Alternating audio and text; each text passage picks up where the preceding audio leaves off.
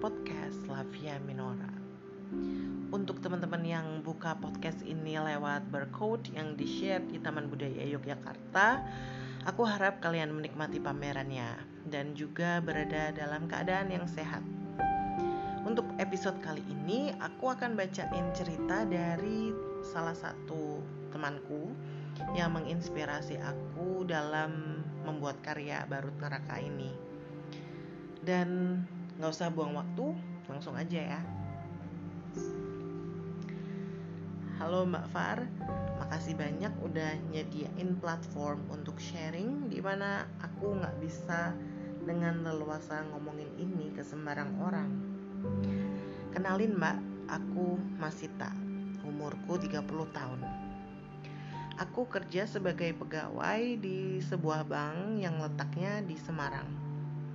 Sebagai seorang bankir, aku kerap mengisi keseharianku dengan olahraga, salah satunya nge-gym. Mbak Farah tahu kan kalau tempat gym itu ada yang dicampur cowok sama cewek.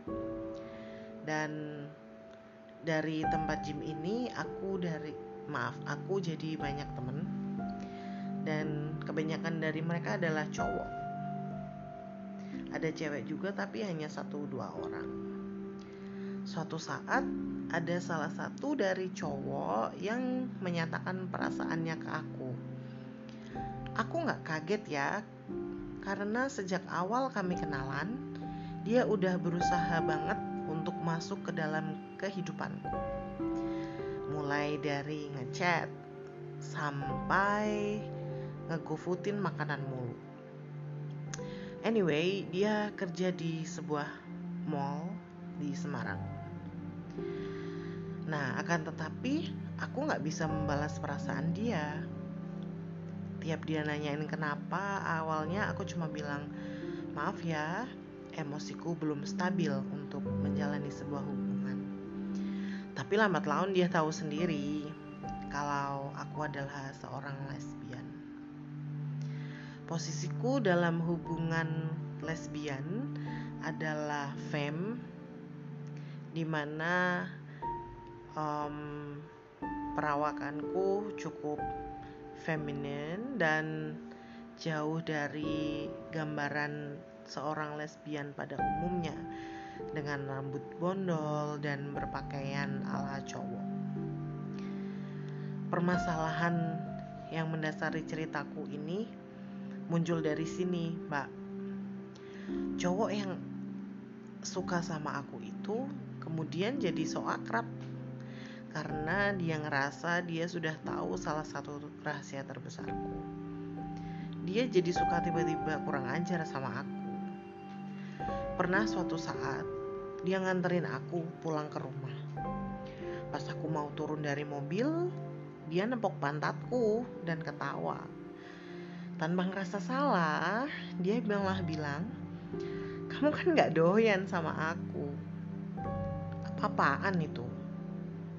Terus pernah juga nih suatu saat waktu kami papasan di tempat gym tiba-tiba dia nyenggol payudaraku dengan sikunya aku yakin 100% dia itu sengaja. Aku mau marah tapi nggak bisa. Karena dia selalu bilang lesbian kok sewot sama cowok. Apa coba maksudnya ya aku tuh tahu aku lesbian tapi itu bukan hak dia untuk memperlakukan aku seperti itu dasar cowok bajingan ya itu ceritaku mbak dan terima kasih sudah mau berbagi dan Semoga suatu saat kita bisa ketemu. Well, terima kasih banyak untuk Mas Sita yang sudah mau sharing dan percaya sama aku untuk menyampaikan cerita ini. Dan juga tentunya terima kasih sudah menginspirasi aku dalam berkarya. Um, dari cerita yang disampaikan oleh Mas Sita sebenarnya kita patut tahu ya bahwa ngekat orang-orang yang toksik dalam hidup kita itu sangat penting. Kalau misal kita punya temen toksik ya tinggalin aja. Kita punya pacar toksik nggak usah mikir dua kali putusin aja. Dan kalau misal kita punya orang tua yang toksik itu kita juga boleh loh untuk ngekat mereka karena kita nggak perlu naif ya. Um, sifat dasar manusia itu sebenarnya kan ingin mendapatkan untung. Nah salah satunya ya dari hubungan yang dijalani oleh antar manusia itu sendiri.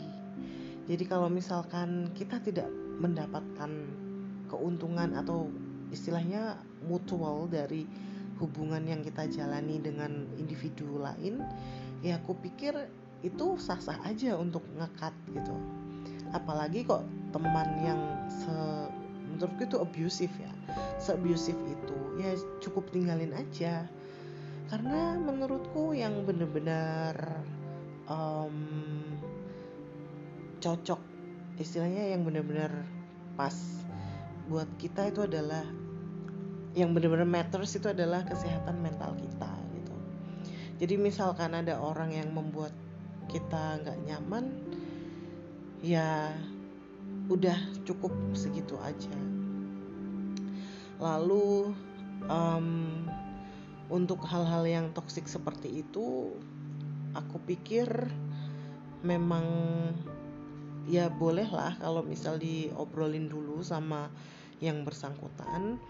Tapi misalkan nggak bisa ya udah gitu. Goodbye intinya dan um, menyoroti tentang apa yang dilakukan oleh cowok itu ke Masita kayak Noel Noel atau apa pun yang berkaitan dengan kontak fisik aku pikir itu ada kaitannya dengan pengetahuan tentang otoritas tubuh manusia ya. Jadi menurutku pribadi apa yang kurang dari pendidikan di Indonesia ini adalah pendidikan tentang otoritas tubuh yang seharusnya diajarin waktu kita masih anak-anak atau masih dini dalam usia dini. Um, pengetahuan yang di situ yang aku maksud itu adalah kita patut tahu atau anak kecil itu patut tahu kalau setiap orang punya hak atas tubuhnya sendiri dan kita juga punya hak atas tubuh kita sendiri. Tidak ada yang boleh mengobjektifikasi orang lain atau um, tidak boleh saling mengobjektifikasi um, kecuali dengan konsen yang tepat. Nah, um, kalau di sini um, kepemilikan tubuh itu belum 100% disadari ya. Masih ada orang yang suka ngurusin tubuh orang lain atau masih ada orang yang suka uh, pegang-pegang uh, atau mengobjektifikasi tubuh orang lain. Ngelihat aja tuh sebenarnya maksudnya kita melihat orang lain dengan tatapan yang istilahnya bagi mereka tuh kurang enak atau nggak membuat mereka nyaman itu aja sebenarnya nggak boleh ya. Apalagi kok ini sampai pegang-pegang kayak gitu.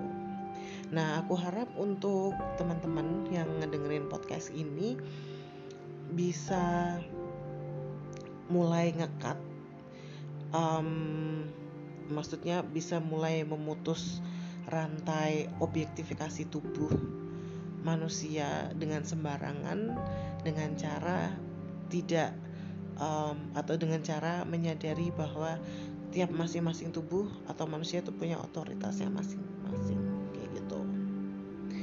Oke, okay, aku rasa sekian untuk podcast episode kali ini.